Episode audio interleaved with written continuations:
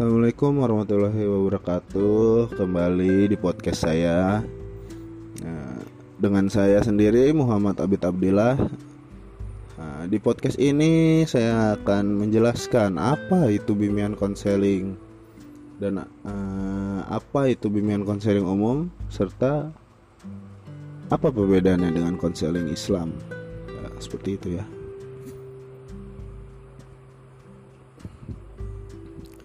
Bimbingan dan konseling. Bimbingan dan konseling merupakan alih bahasa dari bahasa istilah Inggris, guidance and counseling. Dalam kamus bahasa Inggris, guidance diartikan dengan kata asal guide yang diartikan sebagai berikut. Menunjuk kepada jalan, showing the way, memimpin, leading, menuntun, conducting, memberikan petunjuk, giving instruction, mengatur, regulating, mengarahkan, governing, memberikan nasihat, giving advice.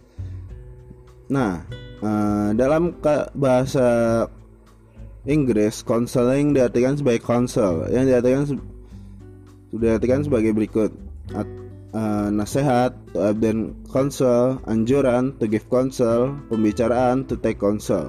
Dengan demikian, konseling akan diartikan sebagai pemberian nasihat, pemberian anjuran, dan pemberi pembicaraan dengan bertukar pikiran. Dulu istilah konseling di Indonesia menjadi penyuluh atau diartikan uh, di Indonesia ini dulu belum ada istilah konseling tapi istilahnya yang ada hanyalah penyuluh. Akan tetapi istilah penyuluh banyak digunakan pada bimbingan lain. Misalnya dalam penyuluhan pertanian, penyuluhan keluarga berencana yang sama sekali berbeda isinya dengan apa yang dimaksud konseling. Maka agar tidak menimbulkan salah paham, istilah konseling tersebut langsung diserap menjadi konseling. Nah, mengenai kedudukan dan hubungan antara bimbingan konseling ter terdapat banyak pandangan. Salah satunya memandang bahwa konseling sebagai teknik bimbingan. Dengan kata lain, konseling ini masih berada dalam ruang lingkup bimbingan. Ah, tapi ada juga yang menyatakan bahwa bimbingan merupakan pencegahan munculnya masalah yang dialami oleh individu. Dengan kata lain, bimbingan ini sifatnya preventif atau pencegahan, sedangkan konseling sifatnya kuratif dan korektif.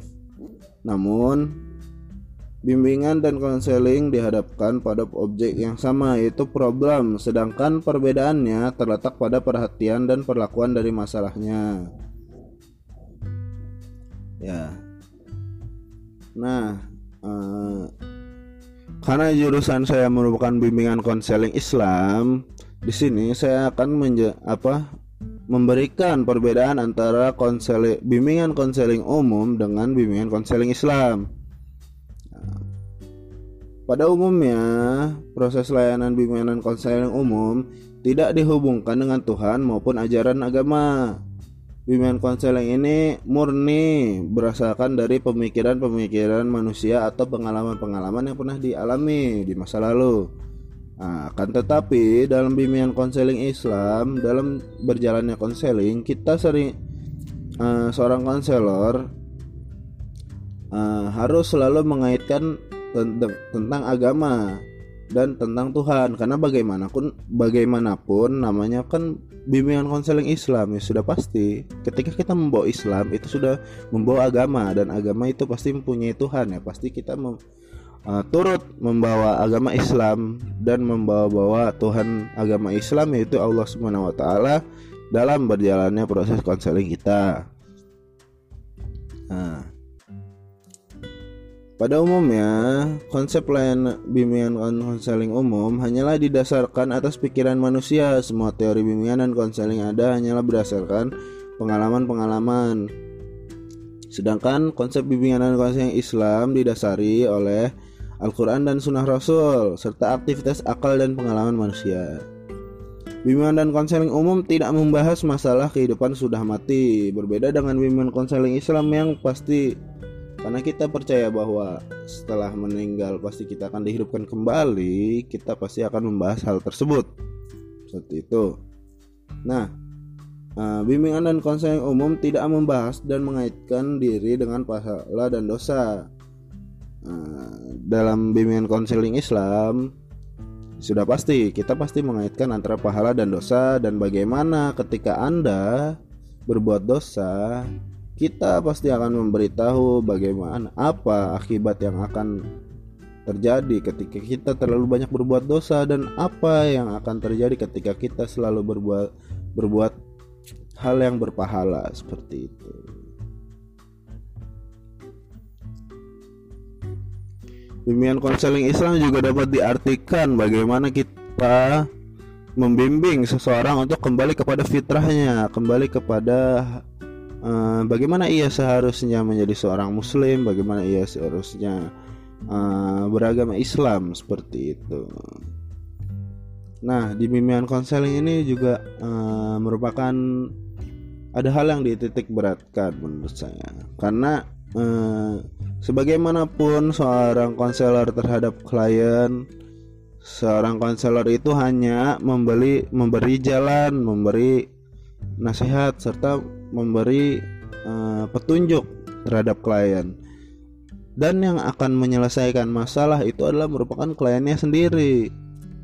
Nah, sebagai konselor hanya memberikan jalan, memberikan anjuran, memberikan uh, pencerahan dan yang yang akan melakukan problem solving itu merupakan seorang klien itu sendiri karena bagi uh, karena hal-hal yang apa pemecahan masalah yang baik merupakan orang yang mengalami masalah itu sendiri seperti itu.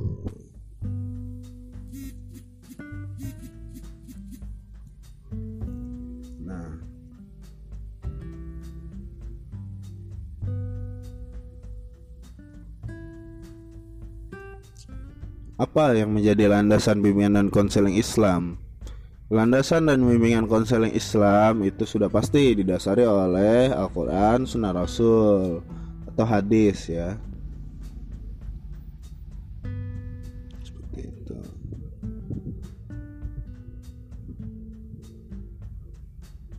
Nah, apa sih uh, asas-asas yang harus dipegang oleh uh, bimbingan dan konseling? Nah, di sini ada asas-asasnya yang harus dipegang oleh bimbingan konseling Islam. Yang pertama adalah asas kebahagiaan dunia dan akhirat. Tujuan bimbingan dan konseling Islam adalah membantu klien mencapai kebahagiaan hidup yang senantiasa didambakan setiap manusia. Jadi, uh, dalam bimbingan konseling Islam kita tidak berhenti pada uh, problem solving oleh klien tetapi kita juga harus uh, menunjukkan bagaimana bukan ia hanya bah bagaimana dia bukan hanya bahagia hidup di dunia tetapi juga ia dapat bahagia hidup di akhirat seperti itu.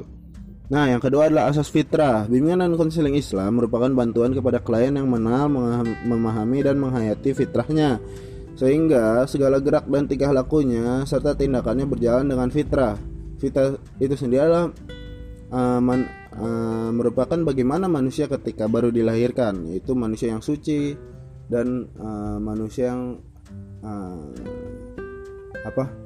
Manusia yang suci dan tidak pernah dosa seperti itu. Asas lillahi ta'ala. Nah, bimbingan konsentrasi dilaksanakan semata-mata karena Allah Konsekuensi dari asas ini berarti pembimbing melakukan tugas dengan penuh keikhlasan. Klien pun menerima, minta bimbingan konseling dengan ikhlas dan rela pula. Karena semua pihak merasa bahwa semua yang dilakukan karena untuk pengabdian kepada Allah sesuai dengan fungsi dan tugasnya sebagai makhluk Allah yang harus senantiasa mengabdi kepada firman-Nya. Seperti itu. Lalu ada asas bimbingan seumur hidup. Bimbingan dan konseling merupakan bagian dari komponen pendidikan. Oleh karena itu, pemberian layanan bimbingan dan konseling dilakukan sepanjang hidup manusia. Manusia yang hidup di dunia tidak ada yang selalu bahagia. Kadang kala dalam kehidupan ini kita akan menjumpai berbagai kesulitan dan kesusahan. Untuk itu, diperlukan bimbingan dan konseling yang diharapkan bisa mengatasi semua permasalahan hidup sepanjang hayat. Jadi, permasalahan hidup itu tidak hanya menyerang orang-orang tua kita dari awal lahir sampai kita tua nanti pasti akan mengalami uh, gejolak atau mengalami banyak permasalahan hidup. Dan bimbingan konseling adalah bagaimana kita uh, memperoleh pencerahan dari uh, untuk mengatasi masalah-masalah hidup yang kita hadapi. Nah. Lalu ada uh, asas kesatuan jasmani rohani. Bimbingan dan konseling Islam memandang manusia sebagai makhluk jasmaniah dan rohaniah, tidak memandang sebagai makhluk jasmaniah semata. Untuk itu, bimbingan dan konseling Islam membantu individu untuk hidup seimbang jasmaniah dan rohaniah. Nah, jadi untuk menciptakan balance antara fisik dan rohani itu, nah inilah tugas dari bimbingan dan konseling Islam seperti itu. Lalu ada asas keseimbangan rohani. Allah telah memuliakan manusia dengan kelebihan-kelebihan atau keutamaan yang tidak diberikan kepada makhluk lain selain manusia. Nah, lalu ada asas kema kemawujudan individu. Bimbingan konseling Islam melihat kepada citra manusia menurut Islam. Seorang melihat eksistensi tersendiri. Individu mempunyai hak, mempunyai perbedaan kemerdekaan pribadi. Lalu ada asas sosialitas manusia. Manusia merupakan makhluk sosial. Hal ini diakui dan diperhatikan dalam bimbingan dan Islam. Pergaulan, cinta kasih, rasa aman, penghargaan terhadap diri sendiri dan orang lain. Rasa memiliki dan dimiliki merupakan aspek-aspek yang diperhatikan dalam bimbingan dan konseling Islam. Dalam bimbingan dan konseling Islam, sosialitas manusia diakui dengan memperhatikan hak individu dalam batas tanggung jawab sosial atas kekhalifahan manusia Lalu ada asas kekhalifahan manusia. Manusia menurut pandangan Islam diberikan kedudukan yang tinggi sekaligus tanggung jawab yang besar yakni mengelola alam semesta dengan kata lain manusia dipandang makhluk yang berbudaya dan yang mengelola alam di sekitar sebaik-baiknya seperti itu. Nah, uh, jadi sebagai seorang konselor kita harus memahami bagaimana kita Tujuan kita diciptakan untuk menjaga alam, menjaga sesama dan untuk e, membantu sesama seperti itu. Lalu ada asas keselarasan dan keadilan. Islam menghendaki keharmonisan, keselarasan, keseimbangan, keserasian dalam segala hal. Nah, jadi di sini uh, tidak lain memberitahu kita bagaimana kita untuk bersikap adil, bukan hanya antar sesama manusia, tapi juga anta uh, segala makhluk hidup yang ada di dunia ini kita harus dapat mampu menciptakan keselarasan bukan hanya sesama Islam tapi juga uh, sesama ma sesama manusia juga kita harus melakukan keselarasan seperti itu. Nah, lalu ada asas pembinaan akhlakul karimah. Bimbingan dan konseling Islam membantu klien atau yang dibi, uh, dibimbing memelihara mengembangkan sifat-sifat yang baik sejalan dengan tugas dan fungsi Rasulullah diutus oleh Allah Subhanahu. Lalu ada asas kasih sayang.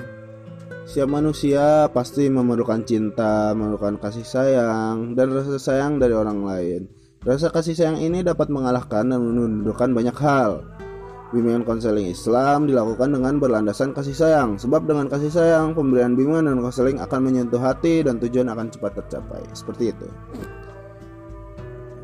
Hati dari hati ke hati seperti itulah kurang lebih ya. Nah, lalu ada asas musyawarah. Bimbingan dan konseling Islam dilakukan dengan asas musyawarah. Artinya antara pembimbing dengan yang dibimbing menjadi terjadi dialog yang baik satu sama lain, tidak mendikte, tidak ada rasa tertekan dan selalu terbuka dalam berpendapat. Seperti itu ya. Lalu yang terakhir adalah uh, asas keahlian Bimbingan dan konseling Islam dilakukan oleh orang-orang yang memang memiliki kemampuan dan keahlian di bidang tersebut, baik keahlian dalam metodologi maupun keahlian dalam teknik-teknik bimbingan dan konseling. Seperti itu ya. Nah, uh, mungkin itu saja yang akan saya sampaikan hari ini. Uh, kurang lebihnya mohon maaf. Wabillahi taufik wal hidayah. Assalamualaikum warahmatullahi wabarakatuh